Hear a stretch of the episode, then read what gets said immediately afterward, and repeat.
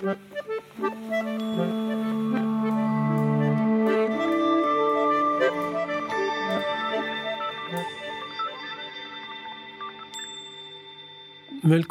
til podkasten Ytringsklima. Her snakker vi om hvordan folk snakker til hverandre i organisasjoner. Eh, I dag har vi med oss eh, professor Fanny Duckert, psykolog. Eh, velkommen skal du være, Fanny. Takk skal du ha, Øyvind. Jeg er nysgjerrig på hvordan ledere kan bli bedre til å ta imot kritikk og ta imot motforestillinger. For det hører jeg stadig at de sliter med, og de kan ha funnet ut teoretisk sett at det er riktig å være imøtekommende og lyttende og ta imot kritikk på en konstruktiv måte, men så går det fullstendig i vranglås når de skal praktisere dette her. Hva kan vi si til disse lederne som gjerne ønsker å bli bedre på å ta imot kritikk? Mm. Ja, det er jo litt av en kunst, da. For det, det å motta kritikk og negative tilbakemeldinger er jo veldig ubehagelig. Eh, og vi har ikke lyst til å være der. Og vi vet at da mobiliseres jo ofte det vi kaller for reptilhjernen vår, som er veldig enkel, veldig primitiv, og den går enten i slåssmodus eller fluktmodus. Mens det vi egentlig trenger, er jo å koble på de litt sånn mer reflekterende modne delen av hjernene. Men det krever litt mer. Altså det krever eh, et mindset, og det krever litt forberedelser. Sånn og det krever at man har noen verktøy. Altså, når du sitter midt oppe i situasjonen, er det veldig vanskelig å finne ut hva du skal gjøre, selv om du hadde gode intensjoner når du gikk inn i det. Nettopp. Og da er det ikke nok å ha en god intensjon. Nei, absolutt ikke. Mm. for, for det, du trenger også um, verktøy. Men Og det som kanskje er en sånn viktig del, altså at du må ha litt sånn selvinstrukser, sånn å være forberedt på det som kan komme. Og det er noen sånn litt sånn enkle ting, eksempel uenighet er ikke farlig. Um, Konflikter er en del av enhver normal organisasjon, og ikke i seg selv farlig. Og med å ha den innstillingen, så blir det litt mindre sånn krisereaksjoner. Fordi at du tenker at ja, men dette, dette er normalt, dette går det an å håndtere. Mm. Så tenk at jeg er en leder, da, og jeg skal legge fram en ny strategi for en gruppe på åtte-ti mennesker. Og jeg vet at en to-tre av dem sannsynligvis kommer til å være ganske kritiske til det jeg skal legge fram. Og dette er på en måte hjertebærende mitt. Dette har jeg brukt lang tid på å utvikle. Og nå skal jeg til pers. Så hvordan vil du råde meg til å forberede meg på det møtet? da? Ja, altså her kan det jo være på mange nivåer, men hvis vi bare tenker litt sånn hva du har med deg inni hodet ditt, så tror jeg det er viktig å være da veldig bevisst. Her kommer det til å komme forskjellige meninger. Det er ikke farlig. Eh, du kan til og med tenke sånn at det kan være smart å få opp motforestillingene så fort som mulig, fordi da vet du hva du har å håndtere, og da tar du litt sånn kontroll på det. Eh, hvis du på en måte ganske fort ser at dette er et så stort og viktig arbeid. Jeg trenger å få vite uh, hvilke reaksjoner som kommer, og, og, det er kjempeviktig for meg å høre om det er motforestillinger eller problemer med det som kanskje ikke jeg har fått med meg, for dette er det vi skal jobbe med når vi skal forsøke å gjennomføre ting. Mm. Og da åpner du opp for at det er på en måte du som bestiller det, ikke at det kommer som en sånn krasj i ryggen på deg. Det tror jeg er sånn én bit. Um, en annen bit er jo når folk um, begynner å gjøre seg gjeldende, så er det noe med å ikke la seg overvelde. Jeg tror det du trenger, er å gi deg selv litt space, gi deg selv litt tid. Det vi ofte er for raske på, det er at vi går inn i argumentasjon, begynner å eh, forklare veldig fort, eller eh, begynner å komme med motargumenter, og så er man midt oppi en nesten litt sånn kranglesituasjon. Men den kommer altfor fort, og det betyr at man, vi vet ikke egentlig hva dette er, fordi du har ikke tatt deg tid til å lytte. Og jeg tenker et av de viktigste verktøyene vi har, det er det vi kaller for sånn respektfull nysgjerrighet. Ja. Altså, hvis folk sier noe, så eh, er det viktig at du lar folk få lov til å gi uttrykk for det de mener, og så kommer det neste viktige, og det er at du må kvittere det ut. Ja, Hvordan gjør jeg det? Jo, fordi altså, hvis du ikke kvitterer ut, så blir du ikke ferdig med det. Da vil folk hive inn den samme ballen om igjen og om igjen. Men når du kvitterer ut, så eh, ser du på vedkommende, så sier du eh, Hvis jeg har forstått deg riktig, så er det dette du sier. Eller, eh, eller du kan også si 'jeg er litt usikker på hva du egentlig mente nå'. Kan du Gi meg noe eksempel, kan du konkretisere, kan du utdype? Og på den måten så sørger du for både at du tar vedkommende på alvor, du har hørt etter, og det er dette vi kaller for sånn aktiv lytting, og du gir deg selv tid til å fordøye budskapet i det vedkommende sier. Så det kan være lurt å parafrasere det den andre har sagt, på en måte også, da? Ja. Og gjenta med mine ord hva jeg hører at du har sagt, ja. og så gå videre derfra. Riktig. Fordi da får den andre også sjanse til å korrigere eller mm. nyansere ja. budskapet. Ja. Mm. Så, så, så, dette er jo en del av det vi kaller for aktiv lytting. Og det er også liksom på, på psykologispråket så snakker vi om empati. At det er veldig viktig for folk å føle seg sett og forstått. Og når du da repeterer det vedkommende har sagt i, din, i dine egne ord, så er det også en anerkjennelse av at vedkommende har blitt sett. Nettopp. Mm. Men jeg, jeg, tenker meg at jeg som leder kan følge resonnementet teoretisk, og jeg kan tenke at jeg har en idé, og det trengs friksjon og uenighet for at den skal foredles. Og så kan jeg gå inn i rommet og likevel være, bli overveldet og skremt. Så for, sånn at jeg, jeg, har på en måte den teoretiske delen innabords, men den menneskelige delen, som det er å sitte ansikt til ansikt med noen og få tøff kritikk for noe som jeg brenner for, det vil jeg likevel streve med. da. Ja, og det er krevende. Det er veldig krevende, og vi får veldig fort behov for å forsvare oss eller slå tilbake. Men ofte er det smart hvis du klarer å vente med det. Ja. Og så er det flere, det er flere teknikker du kan bruke. Det ene er å vente litt med å svare på den kritikken, og så kan du spørre om andres. Nå har vi hørt dette, men hva syns mener dere andre er det flere synspunkter på dette, som innebærer at du da kan er du heldig, eller kjenner du dine gode medarbeidere, så kanskje noen andre kan nøytralisere vedkommende for deg. Mm. Eller andre kan nyansere, og du får litt tid til å tenke deg om. Hvor du da på en måte starter med å hente inn mer informasjon før du begynner å håndtere det.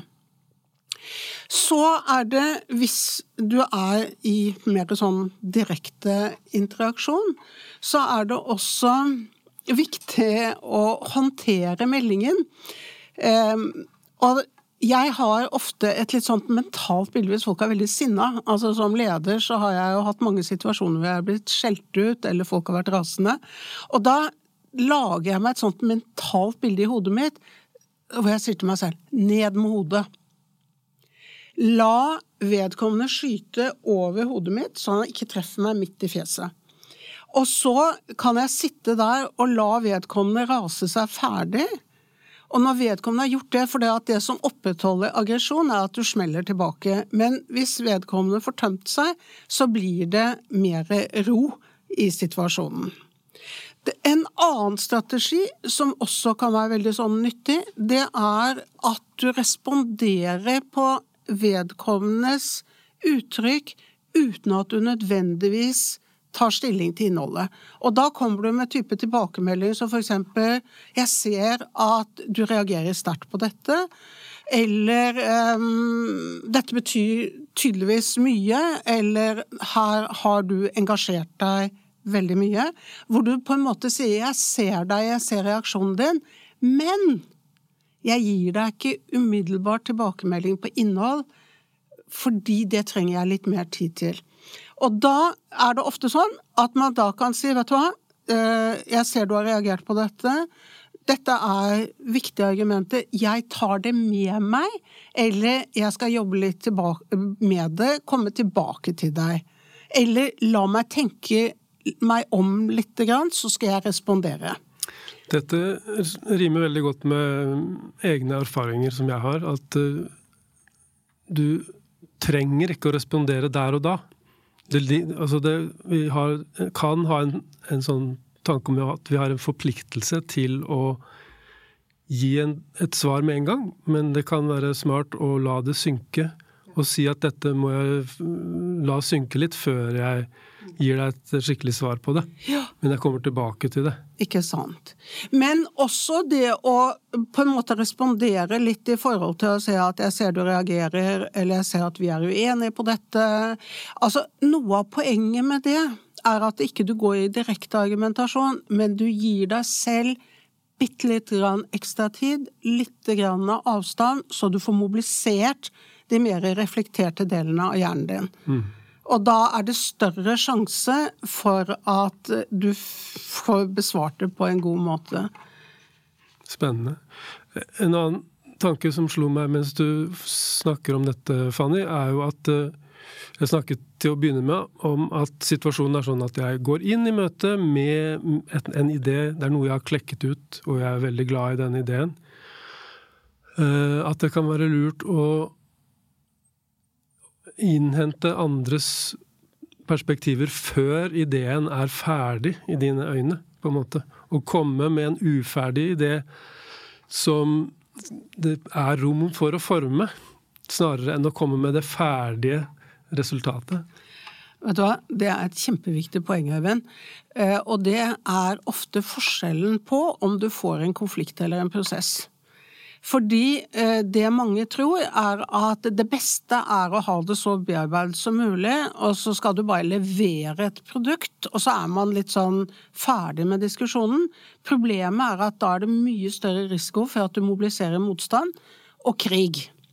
Men hvis du på en måte kommer med dette, sier jeg har det er en del sånne prinsipielt viktige ting, jeg tenker det og det og det, eh, men jeg vil gjerne ha innspill, jeg vil gjerne ha dere med i denne prosessen, jeg vil gjerne få gleden av deres refleksjoner og innspill før vi låser det. Da er det mye større sjanse på å få en positiv prosess. Veldig interessant, og det tror jeg liksom karikaturen på en leder som bryter med dette, er jo en som på en måte er innestengt på sitt eget kontor og så kommer ut begeistret og har eh, eureka sett eh, hva som er løsningen på utfordringen. Ja, og det er ofte ikke så smart. Jeg tror at i veldig, veldig, veldig mange tilfeller så er det kjempelurt å eh, gå noen etapper og ikke minst fordi at, at vi sitter inni våre egne bobler, og ting virker veldig logisk og veldig riktig. Og eh, vi mister på en måte de verdifulle innspillene og nyanseringene som andre kan gi oss. Og det er også én ting til, og det er at alle disse vidunderlige ideene og prosjektene våre de skal gjennomføres gjennom medarbeidere, gjennom samarbeidspartnere. Og eh, det vi ofte tror, er at det er viktig at man ikke kaster bort for mye tid på å diskutere og planlegge. Nå liksom dunker vi dette på plass. Men det du da betaler med tid på, det er at du må ut og slukke branner etterpå. For all den motstanden som du trodde du hadde nedkjempet i utgangspunktet, den vil dukke opp igjen. Enten som aktiv sabotasje eller passiv sabotasje når du skal gjennomføre ting i praksis. Så ofte ser vi at den totale tiden du bruker på å få gjennomført et prosjekt, vil ikke bli noe lenger om du legger inn eh, noen refleksjonsrunder før beslutningen fattes. Dette er jo veldig konkrete ting som det går an for en leder å ta tak i og, og reflektere inn i sin, egen, i sin egen praksis, tenker jeg. Eh, du har brukt eh, begrepet aktiv lytting. Det er jeg nysgjerrig på å høre mer om. Hva, hva, hva, legger du i det begrepet? Hva er det som kjennetegner den som er en god lytter, aktiv lytter? Ja, altså Et annet begrep for det er at vi sier vi lytter med høyttaleren på. og det betyr at du ikke bare sitter der passivt, men du er en aktiv deltaker i den andres fortelling. Og hvor du på ulike måter signaliserer at du følger med, at du er interessert, at du har skjønt hva den andre sier, og er oppriktig interessert. Og det gjør du uh, gjennom blikkontakten, det gjør du gjennom nikking, det gjør du gjennom å gi oppfølgingskommentarer og kanskje oppfølgingsspørsmål. Og dette, som jeg tror er en veldig viktig ting, den at du på en måte eh, med Når det er naturlig, så sier liksom La meg sjekke om jeg har skjønt deg nå, eller hvis jeg forstår deg riktig, så er det sånn og sånn. Eller at du kan spørre om en utdyping. Vet du hva? Nå trenger jeg et eksempel, kan du konkretisere dette for meg? Eh, og at du viser at du er aktiv deltaker i den andres historie, og at den er viktig for deg, interessant for deg. Det er spennende også. Jeg tenker noen ganger så øh, jeg har, noen ganger så bringes dette begrepet inn om å være, genuint, altså være genuint interessert i den andre. Da. Og det er jo en, en, fin kvalitet. Men jeg tenker at noen ganger så skal du være i en profesjonell sammenheng, så kan det hende at du skal være en aktiv lytter til noen som irriterer deg, eller som du eh, egentlig ikke har så høye forventninger til, eller et eller annet sånt. Da. Altså, I hvilken grad er det rom, tenker du, for å, for å Eh, regulere eller, eller, spille skuespill når du skal være en, eh, en aktiv lytter. Jeg, vet at det er flere som sier at uh, en aktiv lytter må være en ekte. Det må være genuint, og du må være oppriktig interessert i den andre og hva den andre har å si. Men, men jeg tenker meg at noen ganger så må du spille skuespill, da. Ja, jeg vet ikke egentlig om jeg vil kalle det et skuespill, for jeg tror at sånn på ja, et eller annet nivå må du være genuin. Altså enten i personen eller tematikken. Altså er, du, er dette en uinteressant person med en veldig håpløs tematikk, så vet jeg ikke hvor mye vi skal gjøre. Da tror jeg man bør kanskje prøve å gjøre det litt nøkternt og nøytralt. Eh, men Men altså Det er også noe med mindset settet vårt, hvordan vi går inn i situasjoner, og det er jo for eksempel, altså nå tenker vi litt sånn sosiale ferdigheter, at når jeg går inn i en situasjon, så er det også en del av mitt ansvar å gjøre den andre personen forståelig og interessant for meg. Og det betyr at eh, jeg kanskje kan gå mer på, at jeg kan be om utdypende mm, detaljer, at jeg kan sjekke etter, jeg kan kvittere ut hva vedkommende sier. Og det, og det jeg tenker så er veldig, veldig viktig verktøy, det er det jeg kaller for den respektfulle nysgjerrigheten. Ja. Altså, jeg må ha et minimum av interesse, jeg må ha en minimum av interesse. Eh, og det formidler jeg gjennom kroppsspråket mitt. Og jeg kan faktisk på en måte påvirke mitt eget kroppsspråk. Fordi at er vi uinteressert, hva skjer da? Vi lener oss tilbake, eh, vi ser alle andre steder, vi fikler mobilen, vi på en måte er uengasjerte. Og det er en sånn forsterkende greie. Det gjør både vedkommende mer usikker og, og dårlig til å håndtere det, og det gjør meg til en dårligere lytter.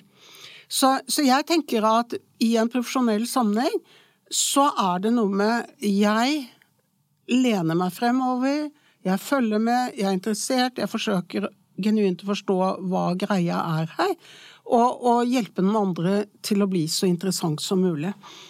Ja, Så er, du er en medskaper da, for å gjøre det den andre sier, interessant? Ja, det er jeg. Ja.